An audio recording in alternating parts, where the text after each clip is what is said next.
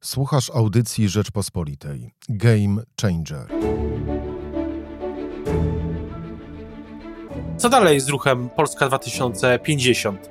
Jakie plany ma Szymon Hołownia i czego możemy się spodziewać i w Sejmie, i w terenie? O tym wszystkim z liderem partii Polska 2050 Szymona Hołowni, Michałem Koboską. Na program zaprasza Michał Kolanko.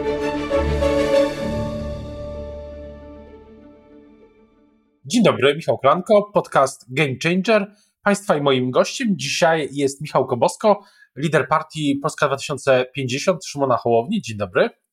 Dzień dobry, witam pana, witam państwa. Chciałbym zapytać na początek, jaki jest ogólny pomysł na to, co dalej będzie robił, robiła Polska 2050 Szymona Hołowni, Szymon Hołownia i pan no, w takim ogólnym kontekście planów politycznych na najbliższe powiedzmy miesiące, o tak bym to ujął. Co widzi pan jako takie kluczowe rzeczy przez najbliższe, no powiedzmy do czerwca tego roku?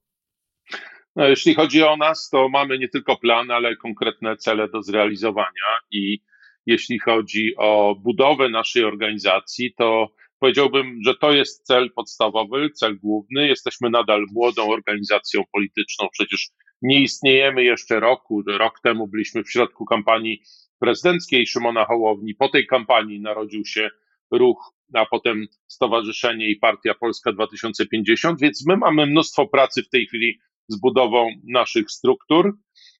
Dołącza do nas mnóstwo bardzo ciekawych, wartościowych osób w całej Polsce i to jest tak, że my szukamy takich osób, ale też wiele, wiele osób zgłasza się samych do nas, widząc, że jesteśmy nową organizacją, która ma wartościowy, ciekawy program i ludzie chcą razem z nami działać politycznie. Więc generalnie dla nas w tej chwili najważniejsze jest budowanie się, budowanie naszych struktur. Jesteśmy obecni w każdym mieście wojewódzkim, budujemy się w bardzo wielu w tej chwili miastach powiatowych. Zgłaszają się do nas samorządowcy z całej Polski. I budowanie struktur, powiedziałbym, to, to dzisiaj jest ten punkt pierwszy, bo bez tego nie byłoby szans na to, żeby przełożyć nasze niezłe mówiąc obiektywnie, notowania sondażowe na realną pozycję polityczną. A czy to też jest kwestia budowania struktur, czy budowania jeszcze większego poparcia, że tak się wyrażę, w Sejmie? Bo y, myślę, że par, wiele osób było nieco zaskoczonych y, tym, że y, w ubiegłym tygodniu przeszedł do państwa poseł Mirosław Suchoń z Nowoczesnej. I czy pytanie, czy, czy będą kolejne transfery już ponad ten, ponad liczbę, osób, która już wystarcza, żeby mieć koło poselskie? No, my, my, będziemy nadal robić to, co lubimy robić, czyli zaskakiwać wszystkich. My e, nie jesteśmy organizacją, której można by powiedzieć, że będziemy nudni i przewidywalni aż do bólu. Wiele już takich partii i organizacji było. Natomiast, co powiedziawszy, naszym celem podstawowym nie jest budowanie, jest rozbudowywanie w tej chwili obecności w parlamencie. Tak jak powiedzieliśmy, stworzyliśmy koło parlamentarne i nie mamy planów budowy klubu. Mm, takie plany mamy po wyborach parlamentarnych, które mamy nadzieję nastąpią w terminie, nastąpią przedterminowo, przed terminem e, zapisanym na rok 23. Zatem mamy koło. To y, oznacza także, że my rozmawiamy z bardzo wieloma w tej chwili posłami w Sejmie i choć my nie podejmujemy aktywnych działań, żeby szukać kolejnych parlamentarzystów, to oni zgłaszają się do nas, bo jak wiemy, mamy niezwykle dynamiczną sytuację we wszystkich ugrupowaniach. Powiedziałbym, poza samym pisem, który staje, wygląda na w tej chwili nadal jeszcze scementowany, czy przynajmniej na razie scementowany wokół Jarosława Kaczyńskiego, w każdym innym ugrupowaniu wiele się dzieje i stąd e, także liczni parlamentarzyści z nami rozmawiają, więc My nie podejmujemy prób e, powiększania naszej obecności parlamentarnej, ale nie możemy wykluczyć, że takie transfery jeszcze nastąpią. Sytuacja jest dzisiaj bardzo dynamiczna. Czyli nie, nie, jest, nie, nie jest wykluczone, że też przejdzie do Państwa ktoś z y, szeroko pojętego środowiska Zjednoczonej Prawicy, bo mam wrażenie, wtedy to byłby taki właśnie game changer trochę. No, takie rozmowy też były i jesteśmy w kontakcie z wieloma posłami z tak zwanej Zjednoczonej Prawicy. Oni sami trochę wzięli na wstrzymanie, bo chcą się lepiej zorientować, lepiej zrozumieć, co się właściwie dzieje na szczycie ich konstelacji, bo jak wiadomo, odbywają się spotkania, było spotkanie liderów i jest próba klecenia, klejenia jeszcze tego, co się już rozpadło, czyli tak zwanej Zjednoczonej Prawicy, to naturalne, że dla wielu posłów jest to taki moment trochę na wstrzymanie i, i przekonanie się o tym, co jest dosyć powszechnym podejrzeniem, że tego obozu skleić już się nie da, no ale trwa jakby rozgrywka w, właśnie w tym obozie prawicowym i e, stąd ja nie mogę w tej chwili potwierdzić, rzecz jasna, żadnych transferów z tamtej strony, ale mogę potwierdzić, że trwają rozmowy również z posłami z tamtej strony. Ale też pytanie, wracając na sekundę jeszcze do tych struktur, e, mówił Pan o samorządowcach, a czy w planach, czy możliwe jest to, że Polska 2050 zaskoczy obserwatorów e, tym, że na przykład przejdzie do niej ktoś e, z, z tych z nazwisk najbardziej znanych samorządowych, czy takie rozmowy też są prowadzone, bo ja sam, sam się nad tym, szczerze mówiąc, zastanawiałem, czy poza tymi transferami radnych, które obserwuję, będzie transfer kogoś, no takiego, kto właśnie jest prezydentem, burmistrzem dużego miasta. No, pr proszę zwrócić uwagę, że to już się dzieje w tej chwili, bo rzeczywiście my zaczęliśmy od transferów e, poszczególnych radnych w wielu miejscach w Polsce. Powstały też koła radnych, czyli to kilkuosobowe reprezentacje, e, ale my w tej chwili przeszliśmy do kolejnego etapu i tutaj są samorządowcy, którzy zajmują, mają konkretne pola odpowiedzialności, są ważnymi postaciami w swoich regionach, w swoich miastach. W ubiegłym tygodniu informowaliśmy o tym, że dołącza do nas burmistrz Wyszkowa, dołączył do nas wiceprezydent Konina, dołączył wiceprezydent Grudziądza. E, I takie rozmowy trwają w wielu miejscach w Polsce, e, bo kiedy pan redaktor pytał te najbardziej znane postaci samorządowe, no to najbardziej znanych to jest pewnie kilku prezydentów największych miast. Oni wszyscy zresztą, ci, którzy są najbardziej znani, są powszechnie kojarzeni z Platformą Obywatelską albo w niej wprost działają. Albo Ale nie wszyscy, na przykład, nie, nie wszyscy. No, prezydent Wrocławia Jacek Sutryk nie jest w Platformie. No, nie jest w Platformie, choć jest bardzo blisko Platformy i wspiera, wspiera działania, e, wiele działań wspierał i wspierał także bardzo mocno między innymi e, kandydata na prezydenta Rafała Trzaskowskiego, więc tych, e, tych powiedziałbym możliwych e, związków tutaj jest wiele. Natomiast tak, rozmawiamy, prowadzimy takie rozmowy i nie tylko z prezydentem Wrocławia, ale z prezydentami, burmistrzami wielu polskich miast. Ci, którzy nie należą do PiSu i ci, którzy nie należą do Platformy, widzą w nas realną trzecią siłę, o tyle dla nich ważną i atrakcyjną, że my bardzo mocno mówimy i bardzo zdecydowanie o wadze, roli i potrzebie zachowania e, znaczenia samorządu w Polsce i przeciwstawienia się temu, co, co próbuje w tej chwili robić PiS, czyli ograniczanie kompetencji, ograniczanie budżetowe, zmniejszanie, dążenie do zmniejszenia wagi roli pozycji samorządu w Polsce. My tego nie chcemy i to spotyka się tym, z tym większym zainteresowaniem i poparciem ze strony i mówiąc w skrócie w uproszczeniu i mniejszych i większych samorządowców, którzy na tę sytuację się nie godzą i którzy patrzą z niepokojem na te kolejne plany rządu, także te związane z tak zwanym nowym polskim ładem, którego wprowadzenie i zmiany podatkowe mogą oznaczać dalsze uszczuplenie przychodów e, samorządów z tytułu podatku. Jest też, e, jest też pytanie o, tak mówiąc bardziej szczegółowo, mówimy, rozmawialiśmy o samorządowcach, rozmawialiśmy o, o Sejmie, ale jest, jest też pytanie o samą partię Polska 2050 szło na Hołowni, no bo jak rozumiem, skoro partia się ukonstytuowała, no to będą w niej pewnie prędzej czy później jakieś e, wewnętrzne e, wybory zgodnie z jej statutem. No, musimy pamiętać, że uzyskaliśmy wpis do rejestru partii politycznych, ale ten wpis jeszcze nie jest prawomocny. Oczekujemy na uprawomocnienie tej decyzji Sądu Okręgowego w Warszawie. I z tą chwilą dopiero nasza partia będzie mogła się ukonstytuować, będzie mogła zacząć przyjmować, e, no, zacząć przyjmować członków, czyli zorganizować zapisy do partii. Bardzo wiele osób się, już się do nas zgłasza, pyta, kiedy będzie można się zapisać. My tej daty jeszcze nie znamy. Organizacyjnie jesteśmy już do tego gotowi i chcemy zacząć przyjmować członków i zacząć funkcjonować jako pełnoprawna partia polityczna. Musimy z tym jeszcze chwilę zaczekać. Natomiast tak, zgodnie ze statutem będzie partia, w odpowiednim terminie ogłosimy, że będą wybory władz tej partii i wtedy no, wszystko zgodnie ze statutem będzie się odbywało tak, jak powinno być w regularnej partii politycznej. Ale zakładając, że ten wpis będzie w najbliższych tygodniach, miesiącach, to te wybory będą prawdopodobnie też w tym roku, tak, tak można to określić? Taki jest wstępny plan. Taki jest wstępny plan. My zobaczymy, jak powiedziałem, ile czasu będziemy musieli czekać jeszcze na dokonanie wpisu tego prawomocnego już wpisu do rejestru partii politycznych, ale chcielibyśmy te wybory przeprowadzić, wybory głównych władz y, jeszcze w tym roku, tak żeby rzeczywiście nie było żadnych e, podejrzeń czy zarzutów, że nasza partia nie działa zgodnie ze statutem, czy są jakieś samozwańcze władze.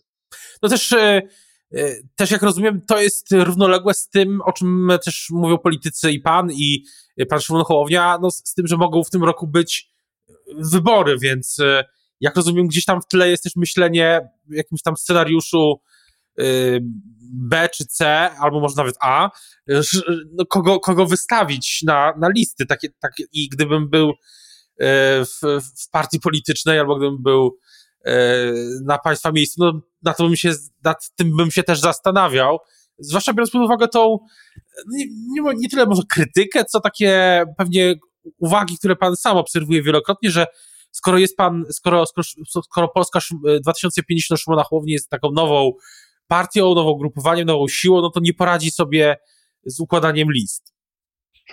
No, ja wiem, generalnie politycy starych partii, jak my je określamy, niezależnie jak się nazywają, z której są strony, generalnie bardzo liczą na to, że my sobie nie poradzimy, że nasze przedsięwzięcie się nie uda i że powróci jakieś takie status quo, który było wcześniej, przed pojawieniem się Szymona Hołowni i przed pojawieniem się Polski 2050 na naszej scenie. To są nadzieje naiwne i to są nadzieje, które z każdym tygodniem jakby znajdują coraz mniej podstaw z każdym tygodniem, z każdym miesiącem, dlatego że my przeprowadzamy bardzo konsekwentnie to przedsięwzięcie. Jak powiedziałem przed chwilą, budujemy nasz ruch w sensie struktur, budujemy nasz, przygotowujemy nasz program na wybory i to, o czym pan redaktor przed chwilą wspomniał, to znaczy przyszłe listy wyborcze. Oczywiście, że to jest też przedmiot naszego zainteresowania i wyzwanie, które przed nami stoi razem z budowaniem struktur, my też przymierzamy się do list wyborczych w poszczególnych okręgach, bo rzeczywiście jest tak, że jak, jakie by nie były w tej chwili próby no, zakłamywania rzeczywistości przez obóz tak zwanej Zjednoczonej Prawicy, to ten obóz się rozlatuje i tutaj kolejne tajne czy publiczne rozmowy, ogłoszenia, obwieszczenia ze strony polityków prawicy nic nie zmienią. Oni po prostu nie mają już wspólnych, żadnych wspólnej agendy, wspólnych zadań, wspólnych celów. To, co ich e, nadal spaja, to jest z jednej strony chęć utrzymania łupów, które posiedli w ciągu ostatnich kilku lat, e, i z drugiej strony no, obawa przed rozliczeniami ich działalności. Więc to są dwa jedyne, choć silne, przyznaję, motywatory czy powody, żeby ten obóz jeszcze, jeszcze trwał, jeszcze się utrzymywał.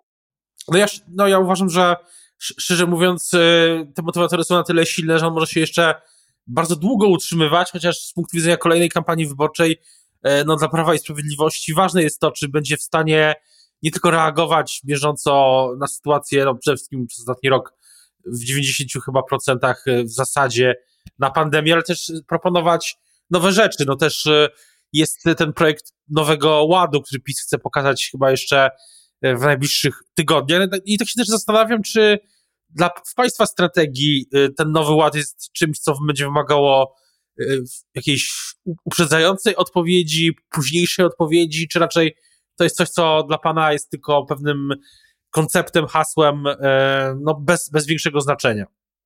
No, proszę zobaczyć, jak ten nowy ład, tak zwany nowy ład powstaje. To znaczy, i to jest znowu kamyczek do ogródka pod tytułem tak zwana Zjednoczona Prawica.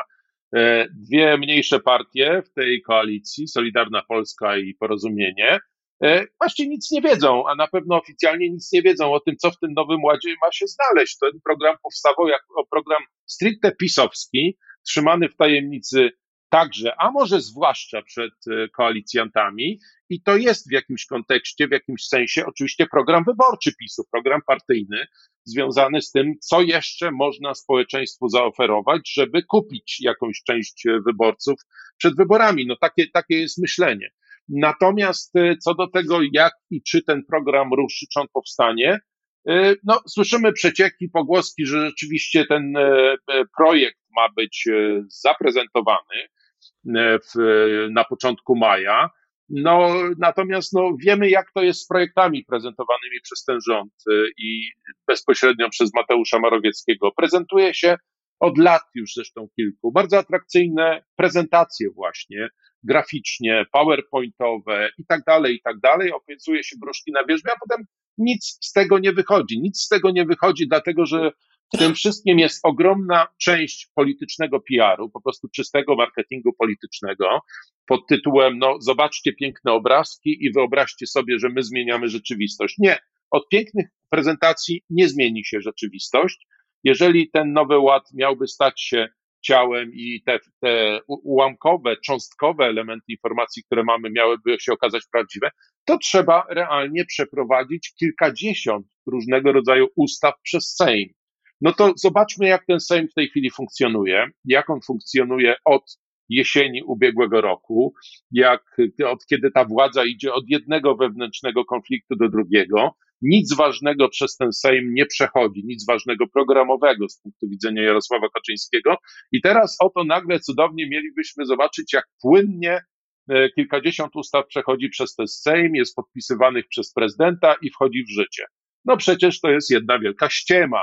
Oczywiście nic takiego się nie wydarzy. To jest, e, to jest blef, nie będzie żadnej zgody w tej koalicji, bo w tej koalicji każdy patrzy tylko sam na siebie i patrzy, jak oszukać tego drugiego, więc nie wierzmy w to, że jakieś wielkie ustawy tworzące tak zwany nowy polski ład staną się wkrótce ciałem i faktem. No to o tym e, na pewno o tym się będziemy przekonywać też w najbliższych tygodniach i miesiącach, ale też chciałem zapytać na koniec jeszcze o jedną e, rzecz, to znaczy o współpracę w ramach opozycji.